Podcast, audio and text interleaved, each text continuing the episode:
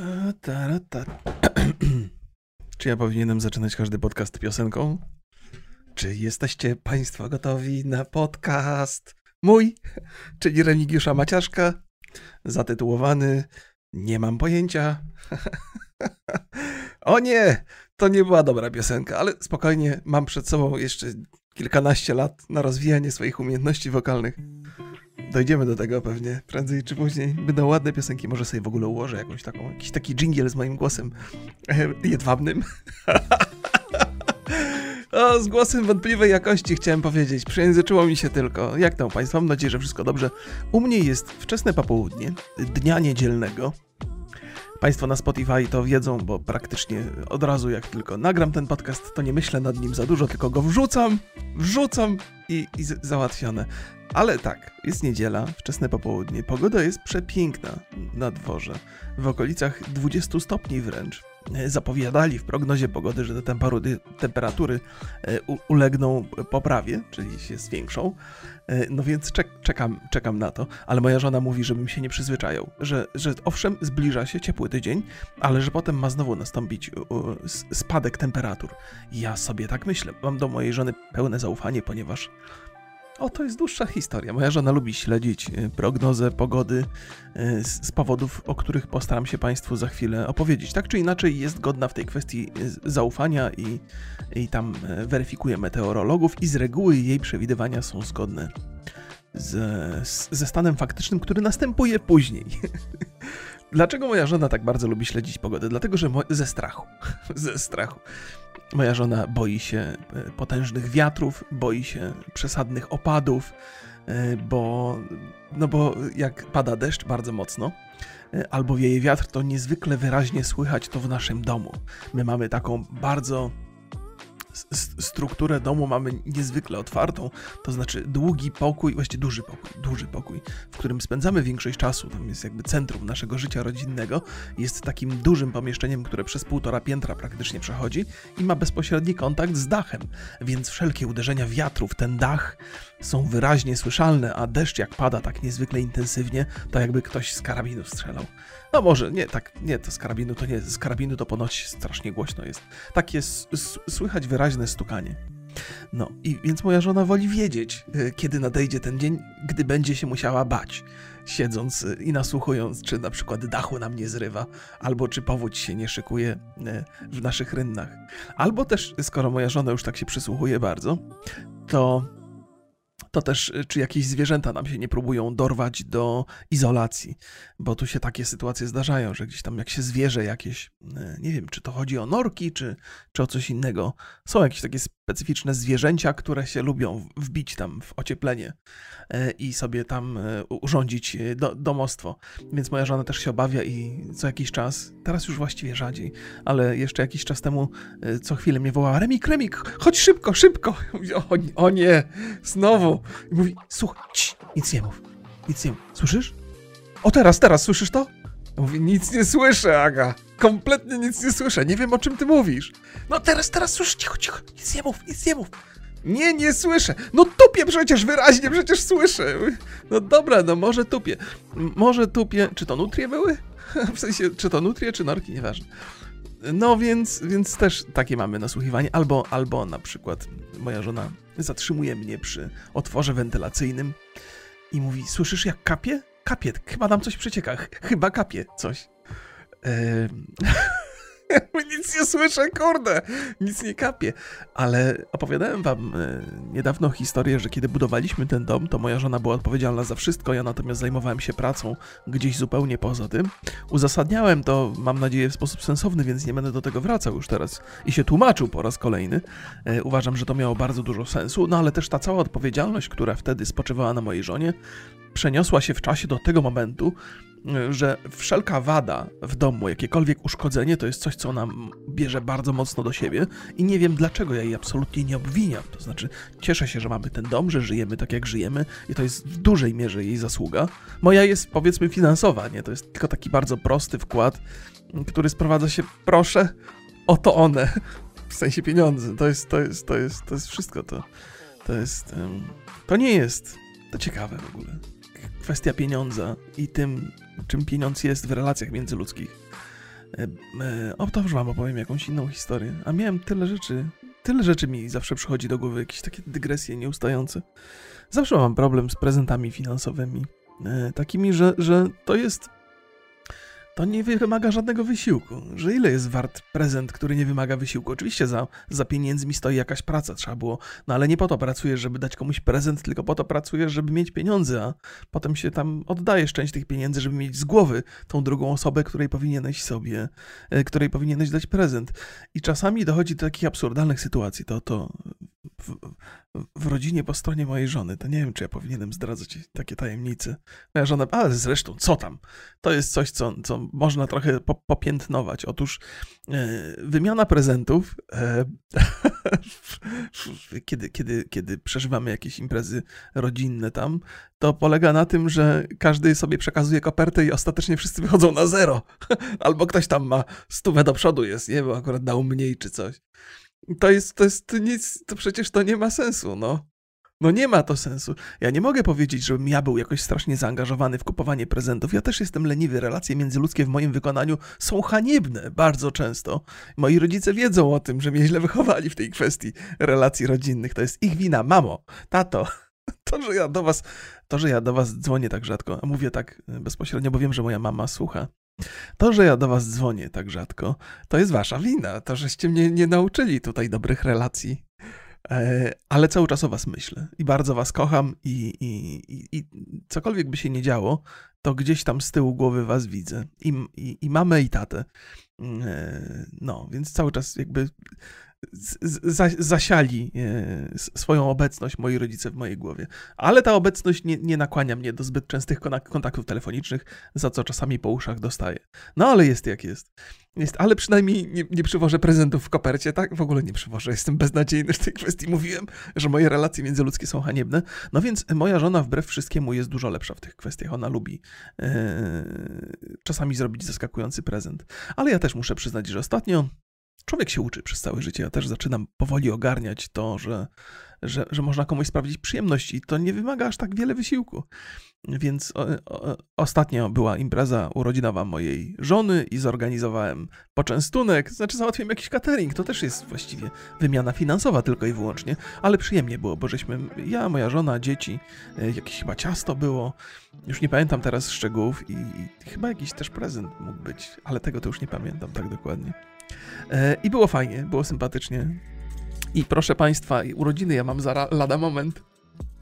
Ja mam urodziny 1 czerwca, urodziłem się na Dzień Dziecka, zresztą tak jak mój e, podcastowy partner Borys, więc to jest w ogóle, ja jestem, powiedziałem Państwu, że moje relacje międzyludzkie są haniebne, więc ja od dawna wiem, że Borys także się urodził 1 czerwca, ale mimo to, idiota jakim jestem, dostaję od niego wiadomość z życzeniami. Wszystkiego najlepszego, Remigiusz, z okazji urodzin, a ja jedyne co odpisuję, dzięki stary, dzięki, że pamiętałeś. I to wszystko.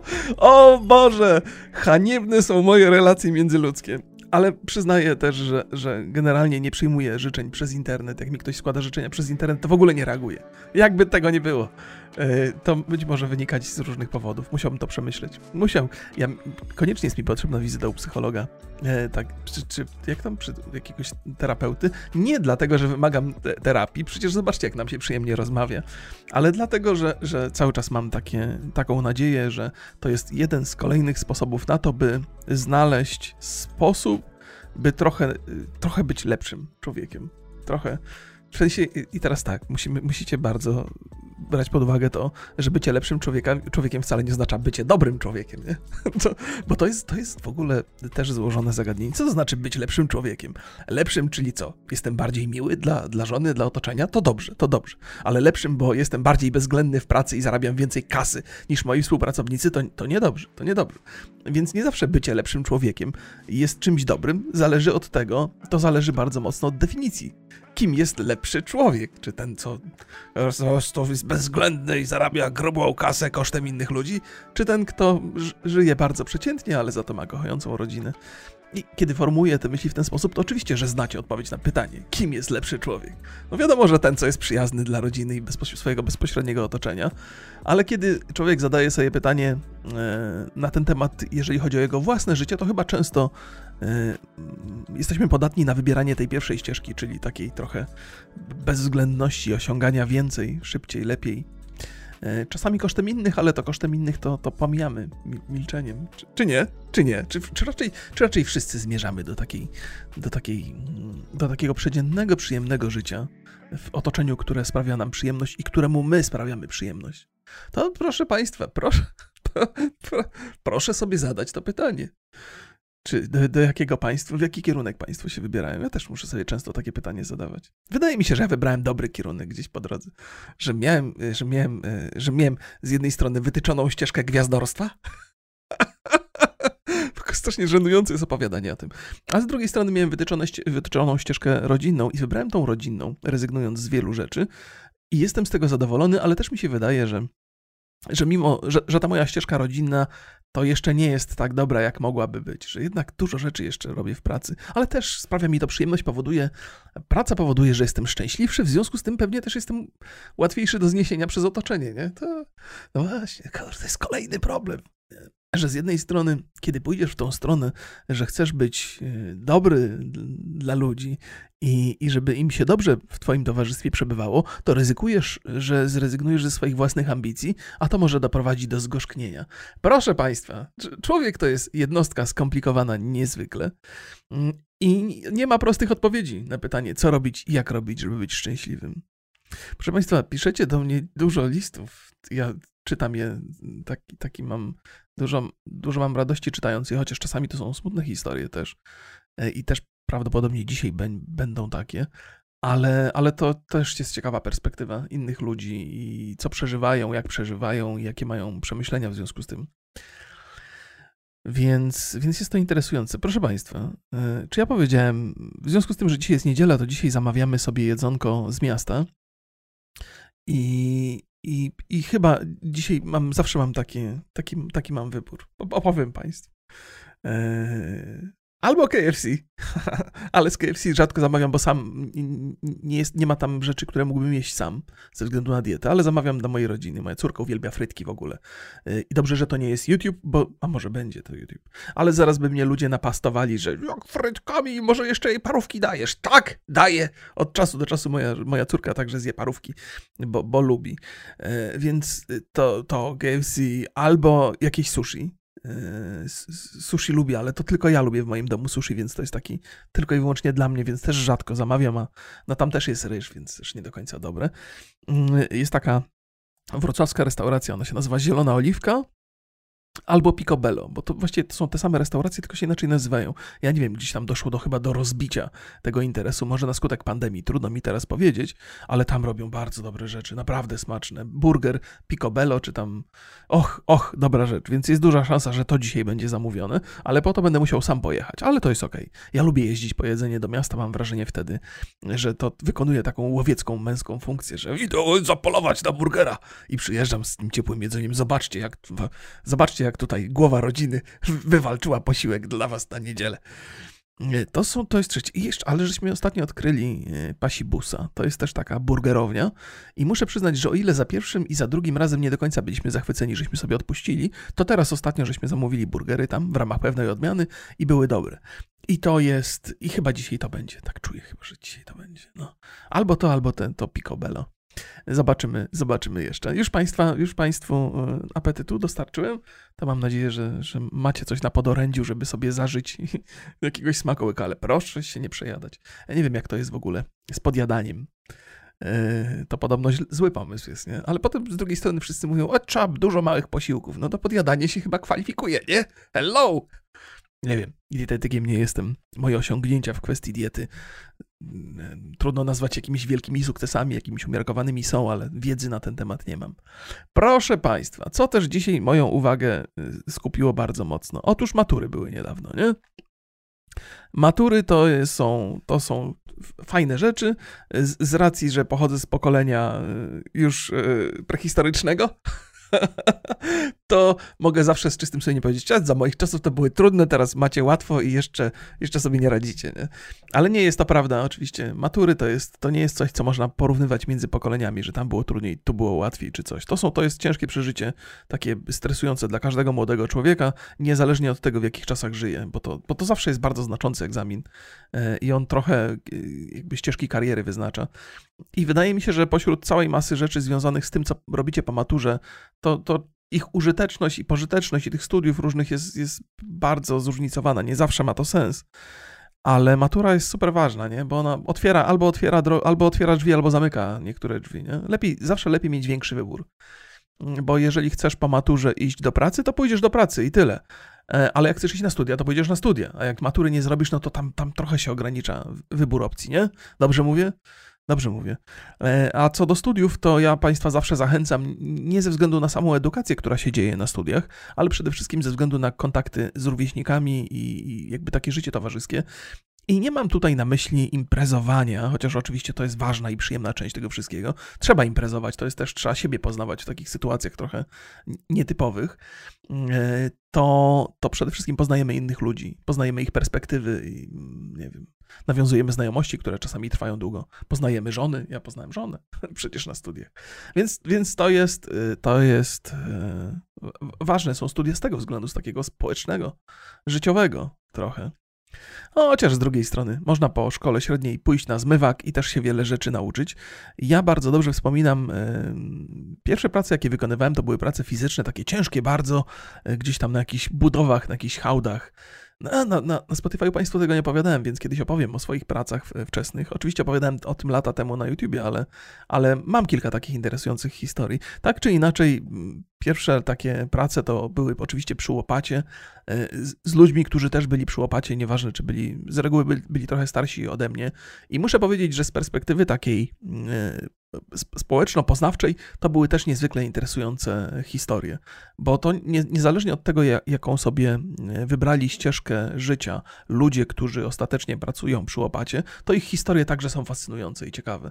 I to jest każdy, każdy ma inne, inne rzeczy do opowiedzenia, każdy ma inne przeżycia i, i to jest też sposób na poszerzanie horyzontów. I to nie jest tak, że ludzie, kurde, e, to jest właściwie to jest tak, że, że każdy z nas ma pewną wąską, e, naprawdę, to jest, niezależnie od tego, jak dużo żeśmy przeżyli, jak wiele miejsc żeśmy nie, nie, nie zwiedzili, to nasze doświadczenia są dosyć wąskie. Bardzo często, nawet jeżeli coś widzimy, to nie oceniamy tego mm, przez pryzmat tego, co się faktycznie dzieje, tylko przez pryzmat naszych wcześniejszych doświadczeń. I zawsze mówię o tym, że warto poszerzać horyzonty, ale jest to niezwykle trudne, ponieważ wchodzimy w życie z jakimś bagażem doświadczeń i przemyśleń e, i, i, i, i wszystko, co, co nas otacza, wszystko, co widzimy, to bardzo często umieszczamy w ramach tego, co rozumiemy, tego, co żeśmy się nauczyli w dzieciństwie. Więc towarzystwo innych ludzi, i nieważne, czy przy łopacie, czy w laboratorium, czy, czy na uczelni, to jest poszerzanie tych doświadczeń, poszerzanie punktów widzenia. To jest super, w ogóle kontakty z, z innymi ludźmi są, są bardzo ważne. To jest też, przypominam, mi jeden z maili, które Państwo przysłali, które będę, będę czytał. No, to się tak rozgadałem, ale dzisiaj jakoś tak wyjątkowo szybko mówię. Czy ja Państwa, zresztą to nie ma znaczenia, mówię tak, jak mam ochotę, ale czy ja Państwa, yy, chyba tak, taką mam yy, specyfikę tego podcastu, że on ma być teoretycznie uspokajający. W sensie, nie mam takiej idei, żeby Państwo uspokajać, żebyście sobie mogli zasnąć. Przecież ja nie jestem dobranocka. Hello dla dorosłych. I, i więc, y, więc chciałbym też, żeby Państwo nie za każdym razem zasypiali przy mnie. ale, ale dobrze, więc nie wiem, czy. czy nie, nie mam żadnego planu na, na, ten podcast, w sensie, czym on ma być dla Was. Mam takie, mam takie poczucie, że jeżeli mnie danego dnia coś porusza, to też z nadzieją o tym opowiadam, by Was to poruszyło, a jak mnie coś uspokaja, to też z taką samą nadzieją o tym opowiadam Państwu, by przekazywać te swoje autentyczne emocje. To nie znaczy oczywiście, że ja mówię, jestem taki, jestem najszczerszym twórcą internetowym, jestem taki autentyczny, że to po prostu aż uszy pieką. No nie, jestem jestem jaki jestem. o nie. Jak się, jak się przez wiele lat siedzi na YouTubie, to, to, to człowiek ma kontakt z ludźmi, e, którzy uprawiają pewną e, autokreację, nie? czyli tworzą swój wizerunek na potrzeby internetu i nie zawsze to robią świadomie, czasami się robi podświadomie. To jest tak jak w towarzystwie mamy dwa typy, dwa, dwa typy zachowań możemy sami yy, prezentować. Pierwszy typ to jest taki, który spotyka się z ogólnym przyjęciem ciepłym, nie? że robię to, na przykład opowiadam dowcipy i wszyscy, o fantastyczny, jesteś super gościu, yy, lubimy cię, nie? zapraszamy cię na piwo. Yy, a drugi typ zachowań to jest taki, co ludzie za nim za bardzo nie przypadają, na przykład, nie wiem, podszczypujesz kolegów, nie? I oni mówią, ej stary, to chyba jest przegięcie, nie? Dzisiaj z nami na piwo nie idziesz. Oczywiście upraszczam i bardzo, bardzo to tak e, zawężam to, ale no mamy dwa typy zachowań, takie, które są akceptowane i takie, które są nieakceptowane. I te akceptowane oczywiście są, są takie, które będziemy powielali, bo to jest w nas wbudowane. My mamy silną potrzebę akceptacji, nieważne jak, ile mamy lat, jak bardzo jesteśmy dojrzali, jak bardzo rozumiemy relacje międzyludzkie. Mamy, mamy potrzebę, żeby nas akceptowało towarzystwo i nawet to się, to się sprowadza do sytuacji domowych. To też z żoną robimy rzeczy, które sprawiają jej przyjemność. Dzieciom mu opowiadamy historie, które, które te dzieci bawią i próbujemy gdzieś tam w ramach tych opowieści też jakiś proces wychowawczy przeprowadzić. Więc jakby mamy taką strasznie naturalną skłonność do zmierzania w kierunku rzeczy, które naszemu otoczeniu sprawiają przyjemność, bo dzięki temu my się czujemy lepiej w tym otoczeniu. Uff, dobrze, Remigiuszu, napij się kawy, weź głęboki oddech bo ten słowotok jest jakiś zabójczy. Ja muszę sobie dzisiaj, jeszcze na dzisiaj zostawić trochę oddechu na, na podcast z Borysem, bo mamy jakieś interesujące rzeczy, ale chyba dzisiaj jakiś taki krótki 20-minutowy materiał, ponieważ mamy też drugą część materiału sponsorowanego, a ten żeśmy zrobili wcześniej, zrobiliśmy go wcześniej, żeby podesłać do sprawdzenia i tak dalej. Materiały sponsorowane są ciekawe z wielu powodów, z wielu względów. O tym spróbuję tego nie zapiszę sobie, by Państwu opowiedzieć, jak wyglądają materiały sponsorowane, bo obserwuję rynek e, polski i rynek amerykański, różnice są dosyć duże, więc może coś mam odkrywczego na ten temat do powiedzenia. A może niekoniecznie. Dobrze, teraz by powrócić do swojego toku e, opowieści. Opowiadałem o tym, że, że o autentyczności w internecie. To jest coś, co cały czas mi chodzi po głowie e, i powtarzam o tym być może przede wszystkim z korzyścią dla siebie, ale może też ktoś z Państwa też, też zaczerpnie z tego mojego niezmierzonego wiadra e, wątpliwych przemyśleń intelektualnych, że w internecie, kiedy prezentujemy swój wizerunek, to dochodzi dokładnie do tego samego procesu. Natomiast problemem jest to, że jest bardzo dużo odbiorców o niezwykle zróżnicowanym zapotrzebowaniu. Ale niestety, w związku z tym, że to, to budowanie wizerunku jest takim procesem instynktownym, czyli automatycznym, to bardzo szybko e, znakomita większość influencerów e, wybiera takie zachowania, które się podobają większości. Zawsze. I to jest tak, że to, to nie jest takie działanie z premedytacją. To nie jest takie działanie, że okay, to się im podoba, to ja teraz rozpisuję kolejny odcinek wedle tych standardów, które tam zostały mi wyznaczone. O, dużo łapek, dobrze, to zrobiłem dobrze. O, dużo łapek na nie, dobra, tego nie robimy. Nie? Y, to, to, nie jest, to nie jest z premedytacją, to nie jest przemyślane, ale to jest coś, co czujemy wewnętrznie czujemy na przykład akceptację, więc, więc i zmierzamy w tę stronę, bo chcemy ją odczuwać z następnym razem, następnym i następnym i następnym. No i, no i ostatecznie stajemy się niewolnikami tego wizerunku, który żeśmy wykreowali, ale który się wykreował trochę sam. To jest takie sprzężenie zwrotne między widzem a twórcą e, i człowiek jest, jest trochę pozbawiony kontroli nad tym. E, I oczywiście gdzieś tam zaraz jest e, przecinek i po przecinku nawias i w tym nawiasie a mówię ja tak. Ale mi się wydaje, że trochę się od tego udało mi uratować, ale, ale uciec. Ale nie jestem do końca pewny. Zawsze trzeba mieć wątpliwości co do tego. Więc, więc coś takiego jak autentyczność czy, czy szczerość w internecie, czy twórcy internetowego, to jest coś, co jest niezwykle trudne do zachowania. Nawet jeżeli twórca szczerze chciałby bardzo mu zależy na tym, żeby być autentyczny, to, to jest to niezwykle trudne. Tak mi się wydaje. Pomijając już fakt, że nikt tak naprawdę w 100% nie wie do końca, kim jest. Znaczy, wydaje mi się, że im człowiek jest. Y, Im człowiek ma szersze horyzonty, tym lepiej rozumie, że, że ciężko samego siebie ogarnąć, żeby, żeby wiedzieć, co mnie kurde kręci, co mnie denerwuje, co, co mnie bawi, dlaczego mnie coś bawi, dlaczego mnie coś denerwuje. To jest długa droga. I, a ona jest, ona jest, yy, ona nie jest charakterystyczna dla, przede wszystkim dla internetowych twórców, ona jest charakterystyczna dla każdego człowieka.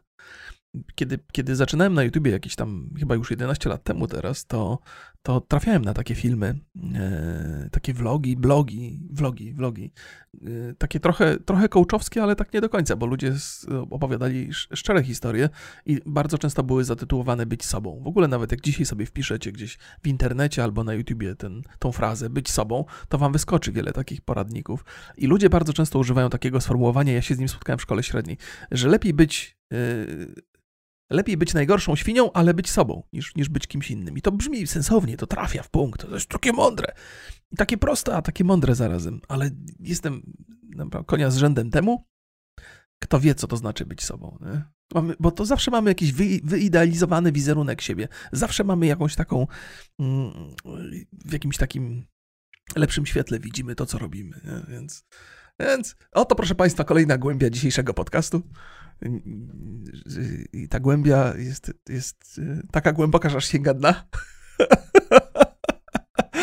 że no kurde, no człowiek nie wie kim jest i nie wie kim chce zostać. Znaczy pewnie to, pe mamy jakiś, tak jak mówię, mamy jakiś plan, mamy jakiś scenariusz, mamy jakiś pomysł na to, kim chcielibyśmy być, ale, ale to nie ma nic wspólnego z nami.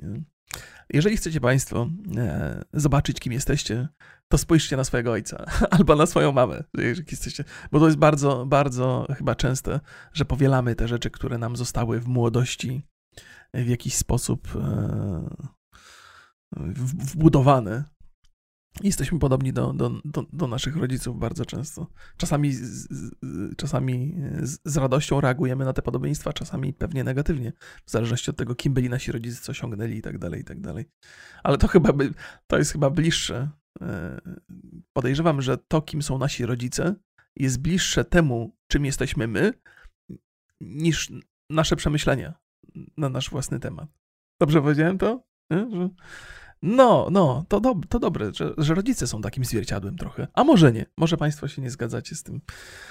Proszę Państwa, dlaczego usiadłem dzisiaj? Dlaczego jestem w ogóle taki podekscytowany tymi opowieściami? No bo lubię podcasty, e, ale też e, jest taki temat, który mi chodzi po głowie mm, i trafiłem na parę artykułów związanych z nimi. To jest o matury. Zacząłem o maturach, nie? Mm, była taka akcja na pewnym serwisie, takim forum, słynnym forum polskim, gdzie Ktoś wpadł na świetny pomysł, żeby e, sugerować maturzystom, że ma, zna odpowiedzi na pytania. To chyba było z testów z języka angielskiego. No i odbywało się tam takie masowe trollowanie tych, tych maturzystów, e, żeby, że są te, oczywiście nikt nie miał tych pytań, to były jakieś zmyślone rzeczy, no ale ci maturzyści byli gotowi robić wiele, by się do nich do, dorwać, do tych, do tych testów. I faceci tam e, mieli jakieś takie zdjęcia z durszlakiem na głowie, plus karteczka z nikiem z tego, z tego forum. Dziewczyny musiały pokazywać nagie piersi albo stopy. E, to, tak, fetysz stóp nigdy do mnie nie trafia. Przepraszam, jeżeli ktoś ma taki i myślał, że być może ja podzielam te zainteresowania. Nie wiem, nie wiem co, co ludzi realizuje w stopach, no ale pal licho. nie o fetyszach dzisiaj. Może kiedyś. E, więc, więc no takie, no i, no i te, te, te maturzystki wysyłały te, bo tam to, że facet występuje w durszlaku, no to wiadomo, faceci są głupi tak z reguły, więc, więc zdjęcie w durszlaku raczej nie zaszkodzi jego reputacji w żaden sposób. No ale, ale jak dziewczyny pokazują e, biusty, na szczęście bez twarzy, e, więc, więc to jest taki trochę biust bezosobowy, ale jednak, jednak jest. I większość artykułów, na które trafiłem, to były takie trochę prześmiewcze, że, a, że ci maturzyści chcą iść na łatwiznę i jeszcze są gotowi pokazać, zwłaszcza dziewczyny, więcej niż by wypadało. I, i, i też były takie wypowiedzi, które mm, jakby trochę wiązały to pokazywanie dekoltów z, z, z, tym, co się dzieje na Instagramie, z tym, co się dzieje na sekskamerkach. O tym ostatnio opowiadałem, o tej youtuberce i sekskamerkach z tym takim obnażaniem się, by uzyskać jakąś korzyść. I że, I że są dziewczyny, które często po to sięgają, i że jest ich więcej niż można byłoby przypuszczać. Nie? I tak sobie myślę, pewnie w tym jest częściowo trochę prawdy jest. To znaczy, już żeśmy ustalili, że faktycznie zaskakująco jest dużo osób, które są gotowe zrobić dużo, by coś osiągnąć, i że wśród nich także są dziewczyny. I że to jest, i to jest normalne. No i dlatego internet wygląda tak, jak wygląda dzisiaj, ponieważ e, są dziewczyny gotowe eksponować się bardziej niż by to wypadało, no jest cała masa mężczyzn, którzy chcą to podziwiać. To się dodają te dwie rzeczy, tworząc najbardziej popularny kontent w internecie obecnie. I myślę sobie, no, no i tak, no i to, jest, to są, to są jak, do, do, pewnego stopnia uwagi jakieś popierane przez wiele osób, ale uważam, że nie są słuszne w tym przypadku. Totalnie. Nie natrafiłem na żaden artykuł, który mój punkt widzenia by przedstawiał, ale pewnie się trafią takie artykuły. Ale do czego zmierzam? Otóż yy, z, z, z, maturą to jest tak, że to opowiadałem o tym wcześniej, zamyka drzwi, otwiera drzwi, że to jest bardzo ważny etap w życiu. To znaczy, powinieneś zrobić wszystko, co tylko jest możliwe, by zdać ją jak najlepiej. To jest coś, co kształtują w tobie rodzice, kształtuje w tobie szkoła, ty też masz silną potrzebę, rozumiesz, że musisz zdać maturę najlepiej jak tylko się da. W związku z tym musisz wykorzystać wszelkie możliwe środki, by ułatwić sobie tę maturę. Tu nie chodzi o to, żeby oszukiwać i się nie uczyć, tylko by by mieć pewność, że się nie przegapiło żadnej okazji, by zrobić to najlepiej, jak się tylko da.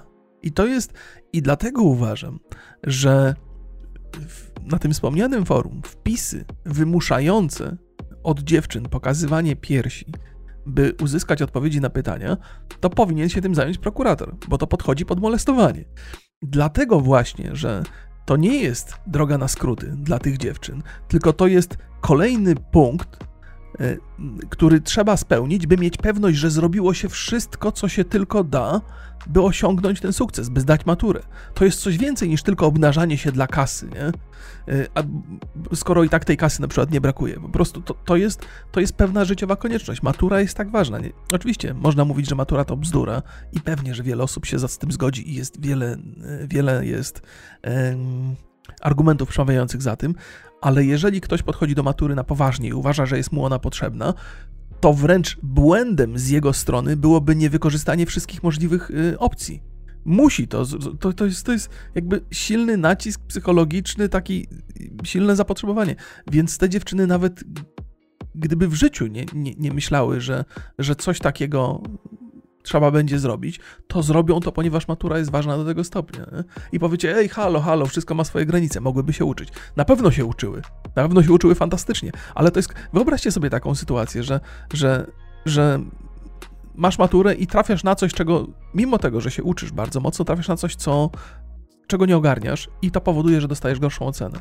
Ale masz tą świadomość, kurde, no jest taka opcja, zawsze jest taka opcja, niezależnie od tego, jak bardzo jesteśmy wyuczeni, no to dostajesz możliwość uniknięcia tej opcji, zminimalizowania ryzyka, nie? Zawsze z tego skorzystasz. To jest tak, wyobraźmy sobie bardziej skrajną sytuację, bo być może moje argumenty są już wystarczająco rzeczowe, ale, ale może potrzebujecie jeszcze jednego. Wyobraźmy sobie taką sytuację, że, że na przykład jesteście panią doktor. Mówimy o kobietach, bo to jest ta, ta, ta rzecz. Jak mówię, facet z durszlakiem na głowie to nie jest żadna, żadna, żaden ubytek w reputacji. Jesteście, jesteście, jesteście panią, panią doktor. E, czy doktorką, chyba tak się mówi teraz, nie? I ktoś wam mówi: OK, e, mam lekarstwo dla tego twojego pacjenta, tylko musisz mi pokazać piersi, nie? I teraz tak, no kurde, ratowanie życia to jest nie wiem, może to jest głupi przykład. Bo to, wiem, to jest potwornie głupi przykład, ale ratowanie życia jest wartością nadrzędną. To jest coś takiego, co no, musisz jakby. No, musisz zrobić wszystko, co się tylko da, nie? I, i, I, oczywiście matura to nie jest ratowanie życia. Boże, to był zły przykład. To głupi był przykład, ale, ale chodzi mi o to, że, że chęć do zdania matury nie jest złą motywacją. Nigdy. Jest zawsze dobrą motywacją. I ludzie, którzy wykorzystują tę motywację, by połechtać swoje ego, bo tam nie chodzi o to, że ktoś tam ogląda piersi i się ekscytuje nimi strasznie, tylko chodzi o to, że ziomeczki, które robią tą akcję, chcą sami przed sobą, yy, chcą udowodnić swoją wyższość. To, że, że, że po pierwsze moralnie są mają wyższe standardy, bo oni by nigdy czegoś takiego nie zrobili. Po drugie, że, że, że, że maturzystki są sprzedajne i tak dalej, i tak dalej. Tam jest dużo takich psychologicznych y, powodów, dla których to się odbyło. I oglądanie nagich piersi nie jest w ogóle na pierwszym miejscu tej listy, w żadnym razie. To jest, to jest sposób na wyrażenie pogardy, sposób na pokazywanie swojej wyższości. To okropne to jest okropne to jest. No i podchodzi pod molestowanie, uważam. Że podejrzewam, że gdyby taka akcja miała miejsce w Stanach Zjednoczonych gdzieś, to już by jakiś prokurator się tym zajął. W Polsce są trochę inne warunki, ale no to do tego zmierzam, że to jest wykorzystywanie silnej, silnej potrzeby, by, by, by uniknąć by uniknąć ryzyka, by minimalizować ryzyko w jednym z najważniejszych egzaminów w życiu. I też to jest też kolejny argument. Potem się okaże, że na studiach każdy kolejny egzamin jest trudniejszy od matury, ale to nie o to chodzi. Matura jest progiem, takim czymś bardzo, bardzo ważnym. I niezależnie od tego, jak często będziemy mówili matura to bzdura, to wszyscy będą zawsze uważali, że to jest super ważne, żeby to zdać. No chyba, że ktoś nie zdał, nie? Albo nie, nie podchodził w ogóle i ma zupełnie inne, inne pomysły w życiu. Ale to jest to, to, to, to, to jest to. To jest to. I, I, uważam, że ten punkt widzenia jest, jest obowiązujący w tej sprawie i że bardzo mam negatywne podejście do tych zachowań y, na forum, które zostały tutaj zaprezentowane. E, no i bym nie, nie, nie miałbym tu pretensji do, do nikogo, kto tam się trochę y, obnażył, y, by, by osiągnąć, by zminimalizować to ryzyko. Nie wiem, może, może to jest, może ja też mam jakiś tam obniżony próg moralny, w sensie takim, że może to powinno być takie stanowczenie i że lepiej nie zdać matury niż, niż na przykład się obnażyć czy coś. Może tak powinienem myśleć, cholera wie. Staram się patrzeć nie z własnej perspektywy, bo co to? Kto by tam zresztą chciał mi oglądać mój biust w internecie? E, ale staram się spojrzeć z perspektywy dziewczyn, dla których to jest bardzo ważne. Nie? I takie mam w ogóle wrażenie, że im bardziej dziewczyna uczy się do tej matury, im bardziej chce ją zdać dobrze, tym bardziej jest podatna na, ten, na tą manipulację, które, której została poddana. To jest właśnie to, że to nie są ludzie, którym nie zależy na maturze i którzy się nie uczą i mają wywalone, to oni nie są podatni na tą, na, na, to, na tą manipulację, tylko ci, którym bardzo zależy, którzy się bardzo uczą tak czy inaczej. Więc paskudna, paskudna akcja. Tfu, tfu. Pluję na to z całego serca. To co? A, właśnie, chciałem Państwu powiedzieć inną historię, która być może trochę jest pokrewna i trochę jest związana też z, z tymi, z tymi z tym materiałami sponsorowanymi na podcastach. My mamy, muszę przyznać, że mamy z Borysem mnóstwo szczęścia. To dlatego, że współpracujemy z fajną agencją. Agencja Słucham się nazywa. Jakbyście kiedyś szukali dobrej agencji do podcastów. E, I wszystkie akcje sponsorowane, które mamy, polegają mniej więcej na tym, że że dostajemy jakiś, jakiś taki temat od sponsora, na przykład, już nie będę teraz wymieniał, bo to, ale, ale że, że to nie jest tak, że mamy powiedzieć coś dobrego o produkcie, tylko mamy powiedzieć o rzeczach, które w jakiś sposób są związane z, z, z, produktem, być może nawet aluzyjnie, można tak powiedzieć aluzyjnie, są związane z produktem, ale opowiadają o czymś innym, co nas także interesuje i, i są, są ciekawe z tego względu. I wszystkie podcasty, które mamy, właśnie te wszystkie współprace, które mamy, opierają się na tym schemacie, że, że część materiału sponsorowanego, mimo że jest sponsorowany, to jest taki w sam raz do podcastu i sięga po coś dalej niż tylko po sam produkt.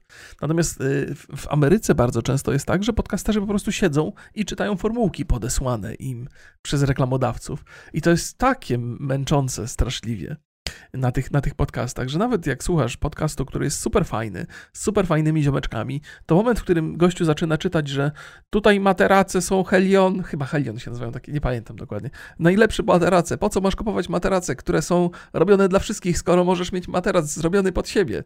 Nasi eksperci usiądą z tobą i zmierzą twoje, twoje, twoją żyć. Czy coś. I to tak, jak pierwszy raz to słuchasz, to jeszcze przejdzie, ale jak to słuchasz dziesiąty, dwudziesty raz, bo to podcast jest sponsorowany tak regularnie przez to, no to to zaczyna być męczące, więc podoba mi się ten polski, podoba mi się ten polski system, yy, albo ten system, który, który nam się udało yy, i z agencją, i, i, i z Borysem zbudować wspólnie. Yy, a te amerykańskie rzeczy, no ale to też byłoby dobrze mieć tak, że, że to się odbywa na jakiejś zasadzie aukcji, że tam podcasterzy mogą sobie wybierać po prostu rzeczy, które będą czytali. I jakoś to działa, jakoś to się kręci, ale uważam, że, że nie jest to tak fajne jak to, co mamy tutaj w Polsce. To chyba tak jak z McDonaldami, że McDonaldy w Polsce e, funkcjonują znacznie i wyglądają znacznie lepiej niż w Ameryce, ale to dlatego, że kiedy nasze McDonaldy wystartowały, to ludzie, którzy je zakładali, mieli już pewne doświadczenia z Ameryki, w sensie jakby wiedzę czerpali z Ameryki i żeśmy budowali już na bardzo dobrze funkcjonującym fundamencie. Nie? I tak samo jest z reklamami w podcastach. Podejrzewam, że, że te fundamenty, które były wypracowane w Ameryce, dzisiaj w Polsce y, już można na nich budować zupełnie coś innego, y, coś lepszego. A też z fundamentami tak jest, że, że stare rozwiązania, które działały kiedyś, niezwykle ciężko się zmienia. Dlatego podejrzewam, że w Ameryce te starsze rozwiązania będą jeszcze przez wiele, wiele lat funkcjonowały. I to się nie będzie zmieniało, bo nikomu się nie chce tam za bardzo zastanawiać, robić innych formatów i próbować, skoro tam to działa. Nie?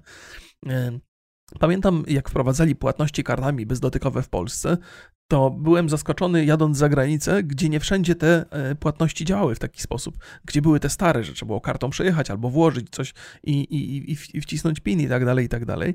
I gadałem sobie, gadałem sobie z kimś, kto, kto trochę bliżej siedział tematu i on mówił, no to właśnie wynika z tego, że tam, na przykład w Niemczech albo w Ameryce, mają stare systemy, które funkcjonowały znacznie dłużej niż w Polsce, w sensie one funkcjonowały znacznie wcześniej niż w Polsce i przez wiele lat funkcjonowały skutecznie. Ludzie się do nich przyzwyczaili, jest cała masa sprzętu, jakby obsługa tych urządzeń urządzeń działa na takich samych zasadach, nic tam nie trzeba zmieniać i ciężko jest zmieniać coś, co dobrze funkcjonuje, na coś, co funkcjonuje trochę lepiej. Natomiast w Polsce żeśmy zaczynali od niczego i od razu pierwsze rozwiązania były nowoczesne. Co jest pewnym zaskoczeniem, bo tak często się mówi, że w Polsce jesteśmy zacofani, ale w pewnych kwestiach takich, jak nadganialiśmy Europę, jak nadganialiśmy świat, to żeśmy od razu zrobili pięć kroków do przodu zamiast jednego. E, no, więc, więc to też dotyczy reklam, to też dotyczy płatności, to też dotyczy McDonaldów, jest masa takich rzeczy, które można by wymienić. Ale dlaczego, dlaczego odnoszę się e, do tego e, przy, przy tych maturach i przy tych, przy tych dziewczynach, które tam pokazywały swoje, swoje biusty?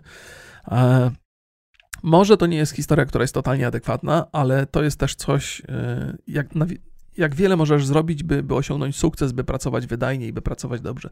Pierwsze, pierwsze trzy lata mojego funkcjonowania gdzieś w internecie, to były takie, takie e, takie lata, że no, niewiele było zleceń, na YouTubie się zarabiało niewiele, to było tak, y, trzeba było bardzo dużo pracować, by się móc z tego utrzymać. Ja bardzo, bardzo dużo pracowałem i, i zarabiałem niezłe pieniądze, ale tylko dlatego, że naprawdę przeznaczałem na pracę tam ze 14 godzin na dobę, nie? Spałem niezwykle krótko, y, to, to też było tak, że był taki rok totalnie, że ja spałem w biurze, a moja żona spała w pokoju, żeśmy nie spali ze sobą przez rok praktycznie, bo ja non-stop siedziałem w, siedziałem w tym internecie, ale wiedziałem, że to z czasem zaowocuje że z czasem po pierwsze ja sobie wyrobię jakąś taką umiejętność dzielenia życia zawodowego i, i, i domowego, no i być może się pojawią też materiały sponsorowane, które trochę mi ułatwią życie.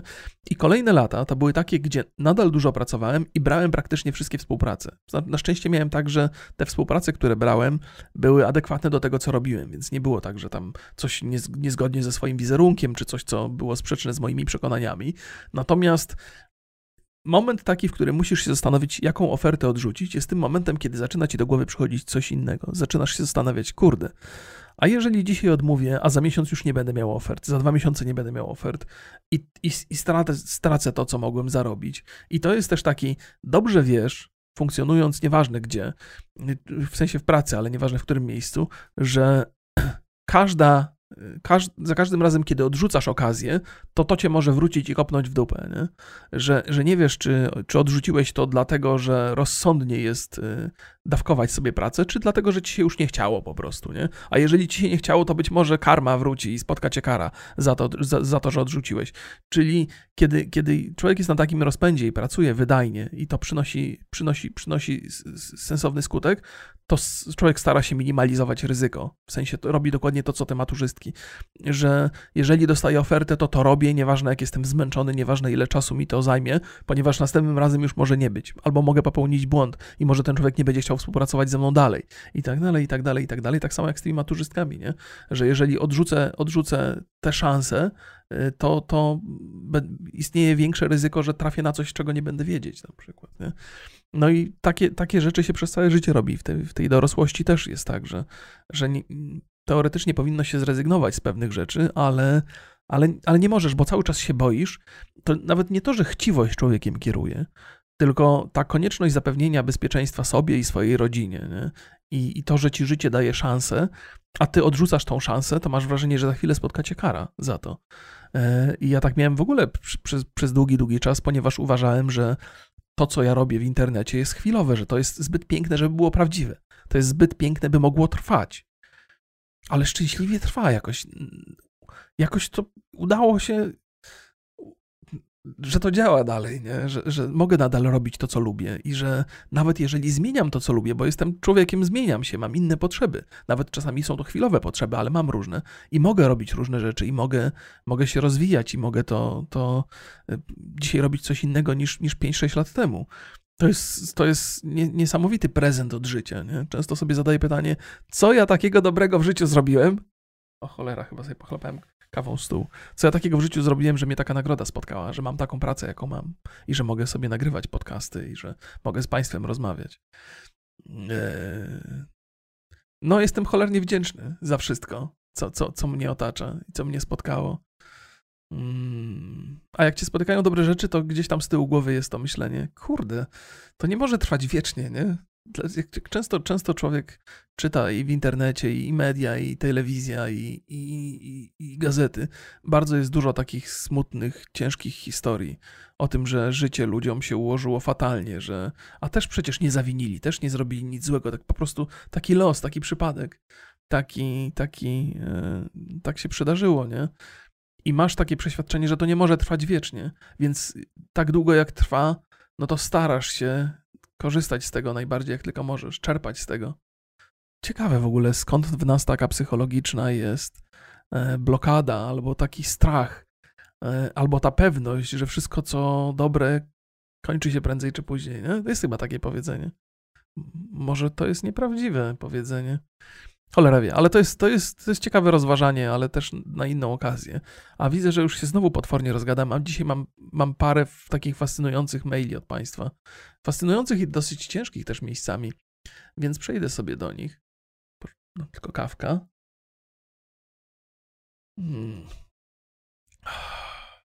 Tak, to jest, specjalnie mówię, że kawka. E, żebyście Państwo na Spotify wiedzieli, bo to taka jest zresztą. Yy, dobrze. Yy, nie będę czytał. Czasami ktoś napisze na końcu maila, yy, żebym był, żebym był, yy, żebym nie. Boże, co ja już straciłem język w gębie. Zapomniałem języka w gębie, tak się mówi. Żebym nie podawał danych. Ja nigdy nie podaję danych, ale jeżeli już chcecie zwrócić moją uwagę na to, to piszcie to na początku, nie? Bo czasami może się zdarzyć, że ja siądę do maila nie, przeczy, nie, przeczy, przeczytawszy go, e, bo to też najlepsze takie maile są, kiedy się czyta na bieżąco, wtedy przemyślenia są najbardziej szczere, najbardziej prawdziwe, ale też może najmniej sensowne, ale, ale, ale, no, więc jak chcecie, chcecie upewnić się, ja dbam o waszą anonimowość, ale jeżeli chcecie się upewnić na 100%, że to piszcie na początku. Pogadaj trochę o polityce. Często jest tylko muśnięty ten temat z twojej strony, ale tylko trochę. Nie proszę cię o jakieś wywody na temat co dobre i co złe i w ogóle patrioci powstańcie i się zjednoczcie, jestem kapitan nowa.pl. Jestem ciekaw, co myślisz o tym, co się dzieje w tej chwili w Polsce i na świecie, jak to wpływa na ciebie i w biznesie. Pozdrawiam. PS. Zacząłem cię oglądać na YouTube, YouTubie 4 lata temu i mój trzyletni syn też jest Remigiusz. O! O, pozdrawiam Remigiusza. Imiennika pozdrawiam. Dobra. Kwestie polityczne. Ja nie mam w ogóle żadnych skrupułów, żeby by mówić o rzeczach związanych z polityką, o ile wydarzy się w polityce coś, co, co, co, co wyda mi się interesujące. Jeżeli coś mi się wyda interesujące i warte opowiedzenia, to to opowiem. Nie będę uprawiał polityki tylko dla, dla samej polityki, bo, bo to, to mnie nie kręci. Natomiast ja mam takie bardzo y, skrajne przemyślenia w, w kwestiach politycznych, to znaczy, y, które, które gdzieś tam wzbudzają trochę konfliktów w internecie. Po pierwsze, ja mam jedno mam takie niezwykle ważne za, założenie. Po pierwsze, wszyscy politycy to są dranie, i trzeba ich traktować jako takich, a najwięksi dranie to są politycy partii rządzącej. Zawsze i wszędzie, nieważne, która partia rządzi, trzeba mieć do nich zastrzeżenia, wątpliwości, cenzurować ich, sprawdzać. Y, wszystko, co robią, trzeba poddawać wątpliwość. Trzeba ich uważać za łotrów, złodziei bandytów i trzeba być, trzeba uważać na tych, tych dziadów, nie? To są, to, są takie, to są takie skrajne. I teraz tak, kiedy dochodzi do takiej sytuacji, że w Polsce mamy podział na ludzi, którzy popierają partię rządzącą i tych, którzy nie popierają, no to oczywiście dla tych, którzy popierają, to ja jestem, to ja jestem głupiec, ham i kłamca, nie? Bo, no bo, no bo próbuje podważać to, co dla nich jest e, ważne i istotne, ale niezależnie od tego, którą ścieżką twoje polityczne zapotrzebowania chodzą, to musisz mieć wątpliwości do tego, co robi władza. A nie, chyba nie żyjemy w świecie, w którym, w którym jakby niesprzyjanie władzy mm, e, jest łatwe. Nie? I, I ważne, ja to mówię wiele razy, jeszcze mówiłem za kadencji poprzednich y, partii rządzących, że jestem, jestem bardzo, bardzo jestem cięty na polityków. E, więc no, jakby moje, moje, moje przemyślenia dotyczące polityki z reguły są negatywne, ponieważ są obarczone tym właśnie myśleniem, tym brakiem zaufania.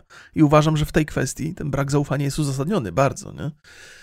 Więc, więc to tak, nie? I druga rzecz, mimo tego, że rozumiem podział, jaki w Polsce nastąpił między ludzi, którzy popierają partię rządzącą i tych, którzy jej nie popierają, to jestem, jestem pełen rozczarowania wobec ludzi, którzy popierają partię rządzącą. Tu nie chodzi mi o to, możecie sobie głosować, nie? ale zawsze trzeba mieć wątpliwości, zawsze trzeba werbalizować te wątpliwości. To też wynika z tych moich przemyśleń i tych, tego, tej mojej ekstremalnej postawy, że za to że, że to są ci ludzie, których trzeba sprawdzać jeszcze bardziej i trzeba mieć wobec nich jeszcze większe wątpliwości. Nieważne, kto rządzi. Nie? No i dlatego trochę nie wpisuję się w, w, z moimi przemyśleniami w te czasy, w te czasy polaryzacji takiej ciężkiej. Nie? Więc też z tego względu ciężko mi, trudno mi mówić o polityce, ponieważ to takie. Mm, jakby bezwzględne myślenie moje o politykach uderza bardzo często w poglądy niektórych ludzi, nie? W, ich, w ich wyborcze postawy.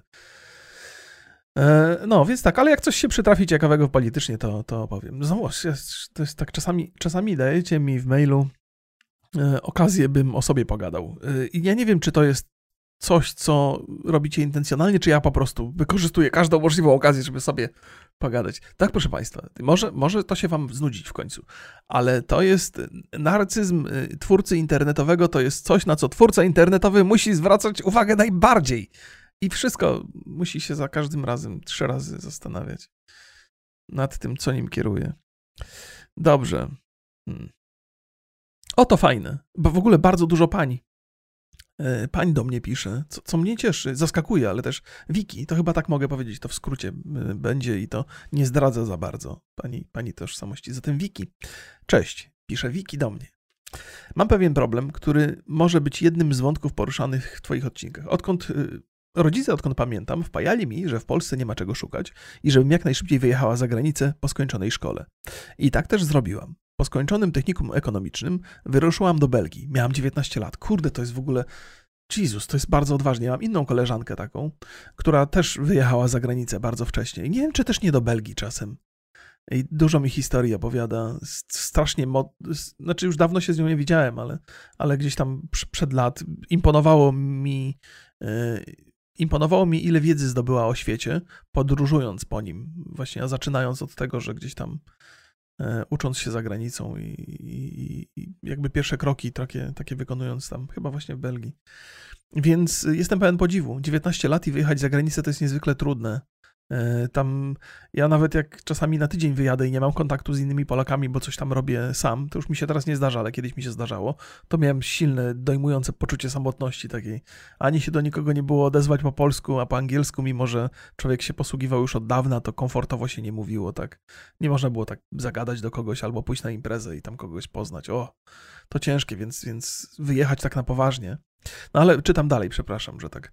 Moją pierwszą opcją były Niemcy, gdzie mieszka mój tato. Jednak zakochałam się i ruszyłam za miłością do Belgii. No proszę, piękna, miłosna yy, i romantyczna opowieść. W wieku 19 lat mamy prawo się zakochać i pojechać za miłością gdziekolwiek.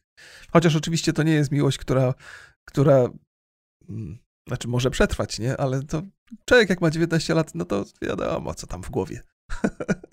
Zresztą to jest tak. Dobra, to o tym powiem kiedy indziej, ale, ale mm, mieszkam już tutaj e, drugi szczęśliwy rok, mam 21 lat. No proszę, czyli szczęśliwy, czyli zakładam, że z tymi miłościami wszystko jest w porządku. Choć trudno połączyć pracę sprzątaczki i naukę języka. Daję radę, ale przejdźmy do problemu. Wszystkie Polki, potencjalnie nowe koleżanki, mają już zazwyczaj dzieci i są bardziej 30 e, plus. Jestem raczej introwertyczną osobą i starczyła mi jedna znajoma, która zaczęła coraz częściej w przegrywanych dyskusjach wciskać między argumenty, że jestem jeszcze młoda, niedoświadczona, aż po ostre porównanie mnie do Bachora, gdy się z nią nie zgadzałam. Miałam też dwie inne próby nawiązania znajomości, które bardzo szybko się kończyły. Brak wspólnych tematów. Stąd pytanie: lepiej zainwestować w psa, czy dalej się ścierać? Boję się, że przez alienację stracę okazję, żeby, okazję, żeby się rozwijać. Pozdrawiam i kocham Twój głos, który mnie uspokaja podczas pracy. No dobrze, to już odpowiadam. To kilka wątków ciekawych poruszyłaś. Po pierwsze, faktycznie mając 21 lat, nie przeceniałbym swoich zdolności oceny świata. W sensie takim, że e, każdy z nas, jak już miał kiedyś 21 lat, to pamięta, im więcej czasu dzieli go od tych 21 lat, to rozumie, jak niewiele wiedział wtedy. I podejrzewam, że ja dzisiaj mam 44 lata praktycznie i za 10 lat będę się śmiał z moich przemyśleń dzisiejszych. Więc gwarantuję ci, że i ty za 10 lat będziesz się śmiała ze swoich przemyśleń. I nie jest powiedziane, że twoja koleżanka nie ma racji. Może mieć trochę racji, ale to i tak uważam, że argumenty, których, których używa, są niewłaściwe, bo tak nie można. Jeżeli uważasz, że masz rację w dyskusji, to musisz tą rację udowodnić. Jeżeli nie jesteś w stanie tej racji udowodnić, to znaczy, że pewnie jej nie masz. To jest tak jak z nauczycielem. Dobry nauczyciel nie tylko rozumie, e, rozumie temat, ale też potrafi go wyjaśnić. Częścią wiedzy, częścią umiejętności jest e, także wiedza na temat tego, jak tą umiejętność, jak, jak to opisać, jak to wytłumaczyć. Tak samo jest w dyskusji. Jeżeli jesteś pewny, że masz rację w dyskusji, to na pewno masz to przemyślane i dysponujesz argumentami, które powinny przekonać większość ludzi. Chociaż też ludzie są z reguły, wiecie, potrafią się zaprzeć e, i, i niezależnie od jakości argumentu ich nie słuchać, ale i tak nie należy używać takiego, że a ty młody jesteś, jeszcze gówno tam w dupie byłeś, gówno widziałeś. Przepraszam za te wulgaryzmy. Więc to nie jest, nie jest to właściwy argument y, i, i nie należy się nim posługiwać. Czy lepiej zainwestować psa, czy dalej się ścierać? Y, pani, pani, droga pani, Wiki. No to jest złożony oczywiście problem. Ja bym kupił psa. W sensie, to po pierwsze, ja cały czas sam myślę o tym, żeby kupić psa, więc za każdym razem, jak ktoś mnie o to pyta, to, to, to mówię tak. Bo po pierwsze, Pies to jest fantastyczne towarzystwo. Oczywiście się z nim nie pogada, ale pewnie też można. Nie? Niektórzy, niektórzy ludzie e, mówią do mikrofonu i nagrywają podcasty, inni, inni rozmawiają z psem. To to jest mniej więcej ten sam psychologiczny proces tam prawdopodobnie zachodzi. Ale jak się ma psa, jak się z tym psem wychodzi na spacer, to można poznać innego człowieka, który ma psa na przykład. E, I sobie pogadać z nim, nie? bo to już jest taki, taki błahy temat, który, który łączy dwie osoby. Nie? Ja nie, nie, mówię tutaj, żeby od razu poznawać mężczyzn z psami, bo jest pani szczęśliwa i drugi rok mieszka w Belgii, ale, ale to poszerza nasze, nasze grono znajomych. I też wydaje mi się, że o ile bardzo dobrze funkcjonuje się w gronie Polaków, bo, bo ten sam język i chyba często podobny system wartości, łatwo, łatwo się zrozumieć nawzajem, o tyle niewątpliwie dobrze byłoby opanować ten język do perfekcji i rozmawiać z ludźmi, którzy mieszkają w tym kraju. E, i poznawać ludzi z tego kraju, bo nie można się zamknąć tylko i wyłącznie w, w polskim środowisku, no, bo to, to też trochę nas ogranicza. To jest jakby. No, pracuje pani tam, więc ma pani też kontakt z, z Belgami, więc, więc to, to na pewno jest okej, okay, nie? Ale ja bym kupił psa. Ja bym kupił psa, e, ale, ale tego psa bym także wykorzystał, by poznawać ludzi. No i nie rezygnowałbym ze, ze, ze, znajomych, ale też zwróciłbym koleżance uwagę, że jak posługuje się takimi argumentami, to znaczy, że nie ma lepszych. I to nie jest. No i też e, z drugiej strony, owszem, ma pani 21 lat, ale wyjazd za granicę i, i problemy z tym związane, znaczy problemy, obciążenia jakieś psychiczne, na pewno bardzo rozwijają. I za, z, z, jestem prawie pewien, że w wieku 21 lat ogarnia pani rzeczywistość znacznie lepiej niż większość 30-latków, którzy z Polski się nie ruszyli nigdy. Pozdrawiam wszystkich 30-latków, którzy się z Polski nie ruszyli nigdy. I nawet 40-latków, którzy się nigdy z Polski nie ruszyli. Ja mogę sobie tam żartować, bo pojeździłem trochę po świecie, ale moje wizyty zagraniczne to się, to, to się nie sprowadzały do takich długich pobytów, tylko to były takie kąski. To tu, to tam, to, to gdzieś tam poznasz trochę ludzi, ale potem ich zapomnisz. To nie jest coś, co wyrabia horyzonty, nie? co poszerza horyzonty. Y, tutaj Pani doświadczenia są na pewno wartościowe i na pewno sprawiają, że ten wiek nie do końca oddaje Pani faktycznych, faktycznej wiedzy o świecie. Nie wiem, czy dałem, czy to jest sensowne, co mówię. To jest w ogóle. Ja, o Jezu, no. Bierzcie to, jak, jak to się mówi po polsku. Z dużym dystansem pod, podchodźcie do moich opowieści. Pani, pani Wiki, to już pozdrawiam. O! Prawdziwa miłość, tak się zaczyna taki, taki list. E, od pana tutaj, młodego bardzo. O, pa, paniek, o, to jest taka historia. Dobrze. Witaj Remigiuszu, mam 19 lat, jestem w czteroletnim związku. Jest to nasza pierwsza poważna relacja. No ja myślę, że to jest pierwsza poważna relacja. Jeżeli to jest związek, który zaczął się w, w wieku 15 lat i trwa do, do, do teraz, to jest to, to jakbyś miał w wieku 15 lat kilku poważnych, kilka poważnych związków za sobą, to powiedziałbym, że twój zbiór doświadczeń dalece przekracza mój w jakikolwiek sposób, nie? 19 lat i jesteś w czteroletnim związku, Jezus! To, to jest niesamowita historia. Znaczy, nie, niesamowita. Pewnie się zdarzają takie historie, ale, ale to jest, to już prawie jak małżeństwo, nie? Na przestrzeni tych kilku lat oboje się zmieniliśmy. Nadal jesteśmy bardzo blisko ze sobą, ale mam wrażenie, że nasze uczucie już wygasło. Choć nawet nie wiem, czy kiedykolwiek było. A, czy to było uczucie? Znaczy pewnie było, no. Chociaż kto, co tam, co tam piętnastolatek wie o miłości, nie? Coś tam wie. Miłość to jest coś ponad, ponad doświadczenie, nie? Nie chcę od tak porzucać kilkuletniego związku, w którym przeżyliśmy wiele fajnych momentów. Jej matka traktuje mnie jak własnego syna. Każdy nam powtarza, że jesteśmy przykładem prawdziwej miłości. Nie wiem, czy to chwilowy kryzys. Jestem typem samotnika. Nie mam osoby, z którą mogę o tym porozmawiać. Cieszę się, że mogę do ciebie napisać i posłuchać osoby bardziej doświadczonej życiowo. Dziękuję za poświęcony czas i życzę dużo zdrówka dla ciebie i twoich bliskich. No to ty masz takie doświadczenia, że to, to nie każdy je ma. no, w tak młodym wieku taki długi związek. Musisz sobie zadać pytanie, jak będzie wyglądało twoje myślenie o tym związku za kilka lat, nie? Na przykład za 10. Jak, nie wiem, weźmiecie ślub i będziecie razem. Jeżeli już na tym etapie masz wątpliwości, to istnieje duże prawdopodobieństwo, że te wątpliwości e, się pogłębią z czasem, nie? No, musisz sobie sam zadać pytanie, bo z tego maila tak, tak nie wynika, nie? Bo, ale też już mówisz, że nawet nie wiesz, czy kiedykolwiek to, to było takie prawdziwe uczucie, e, trwałe uczucie. Więc, więc kurde, to, to, to jest taka. No ja bym pogadał z tą dziewczyną, może ona myśli dokładnie to samo co ty. Jesteście przy, przyzwyczajeni do siebie, jesteście przy, przywiązani do siebie, poznaliście się w bardzo młodym wieku. I, i, I to was trzyma razem. Natomiast w tworzeniu takich związków długotrwałych chodzi o coś więcej. Chodzi o to, żeby, żeby jednak te uniesienia były tam, nie? żeby to nie była taka, taka, mm, taka codzienność. Poza tym, no nie wydaje mi się, pewnie są takie przypadki, że ludzie w wieku 19 lat albo w wieku 15 lat poznają miłości swojego życia i do, do cięż, późnej emerytury są razem ze sobą i są szczęśliwi i nie, nie mają ochoty na więcej. Natomiast y, to się rzadko zdarza, to chyba się bardzo rzadko zdarza. Więc istnieje szansa, że nawet jeżeli uznasz, że to był kryzys obecnie, że to jest kryzys, i, i że to minie, to może za jakiś czas będziesz trochę starszy i, będziesz szukał innych doświadczeń, innych, będziesz się zastanawiał, z czego żeś w życiu zrezygnował, co straciłeś i będziesz szukał, nie? Mm, to jest to, ale to jest, to jest taka wewnętrzna dyskusja, którą musisz przeprowadzić sam ze sobą.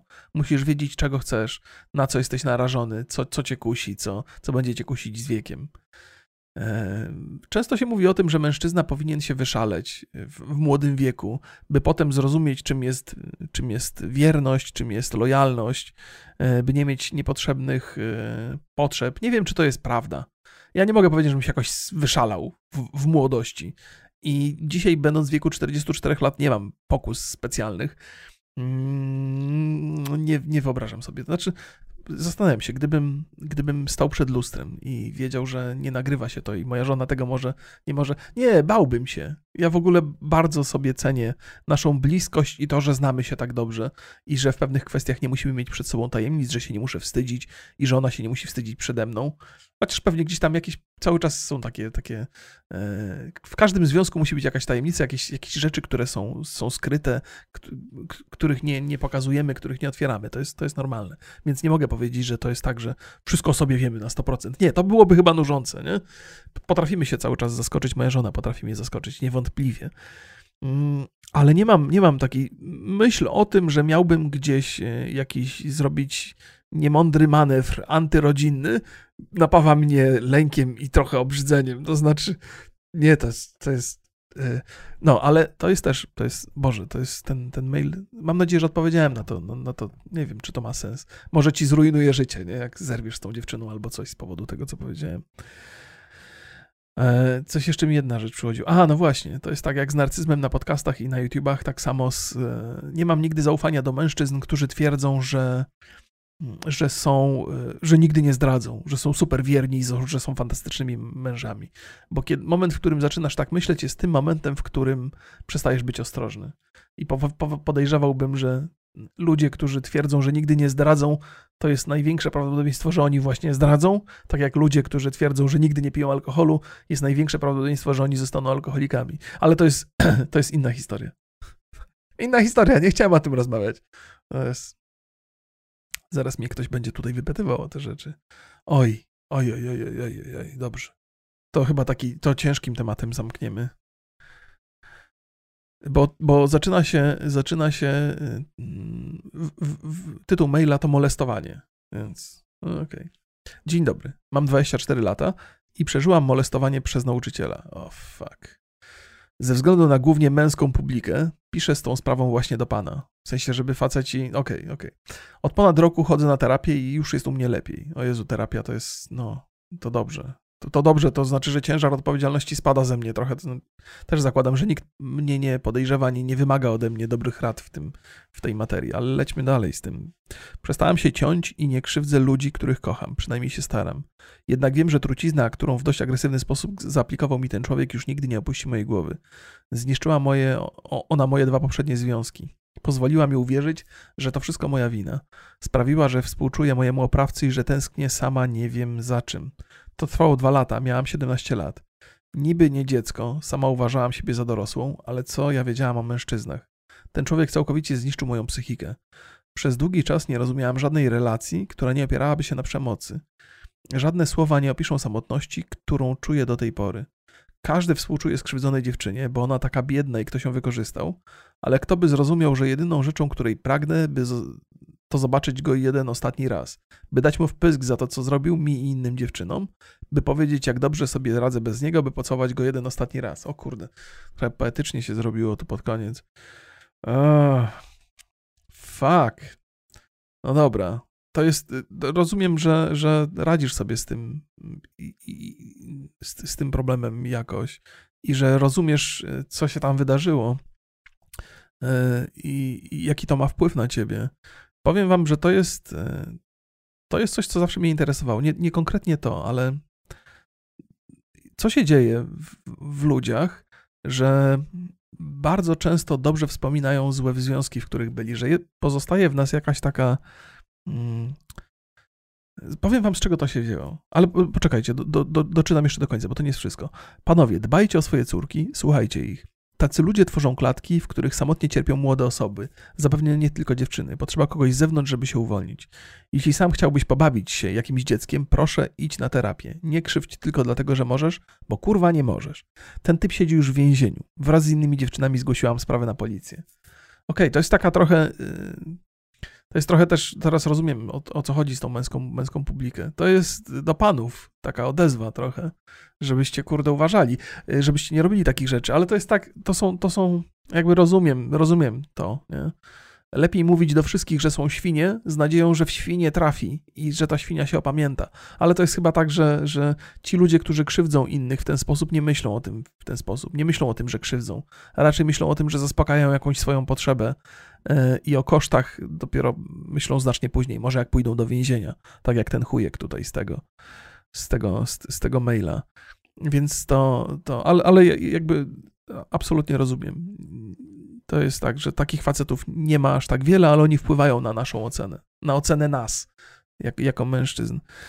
Ja, jako że nie czuję się na siłach, by dawać jakiekolwiek rady y, tutaj, i od tego masz terapeutę, i zakładam, że on wykonuje dobrą robotę, on albo ona.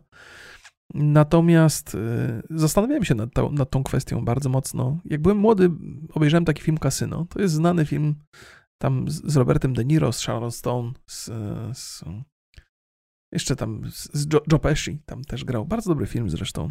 I tam była jedna taka sytuacja, w której Sharon Stone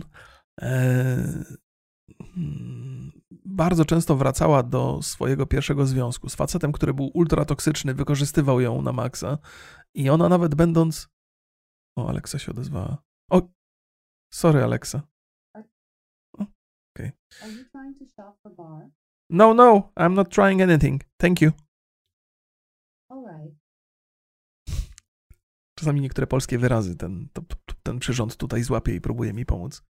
Yy, więc nie potrzebowałem pomocy w tej chwili. No więc, więc i, i pomyślałem sobie, Wtedy oglądając to kasyno i tą relację toksyczną, która się nawiązała między facetem a, a dziewczyną, zastanawiałem się, dlaczego ta dziewczyna jest tak związana z tym facetem, mając kolejne doświadczenia, kolejnych mężczyzn i niektórzy z tych mężczyzn naprawdę ją kochali. Nie? I, zacząłem trochę czytać na ten temat i oczywiście i, to jest coś, co się powtarza, coś, co się często zdarza. I, I rzeczy, które wyczytałem wtedy i myślę, że one działają do dzisiaj, są takie, że nigdy ostatecznie nie zrywamy z takim związkiem, który był toksyczny, że po pierwsze zakochujemy się w ludziach, zanim zdążymy ich poznać, więc zachodzi, pojawia się już to połączenie i nawet kiedy się okazuje, że ta druga osoba jest toksyczna i nas wykorzystuje, to to to wykorzystywanie nie jest tak bolesne, jak myśl o tym, że mielibyśmy zerwać relację, nie? czyli zerwanie tej miłości, a, a, a ból wynikający z tej miłości to są, to są nierównorzędne, yy, nierównorzędne rzeczy, że ból zerwania jest silniejszy niż ból trwania w tym związku. I to powoduje taką, jakąś taką niezwykłą więź, taką toksyczną więź, od której, z której nie można się wyrwać przez całe życie. I że kiedy ta więź się przydarzy w bardzo młodym wieku, to ona jest praktycznie nierozerwalna. Na wszystkie związki nasze wpływa.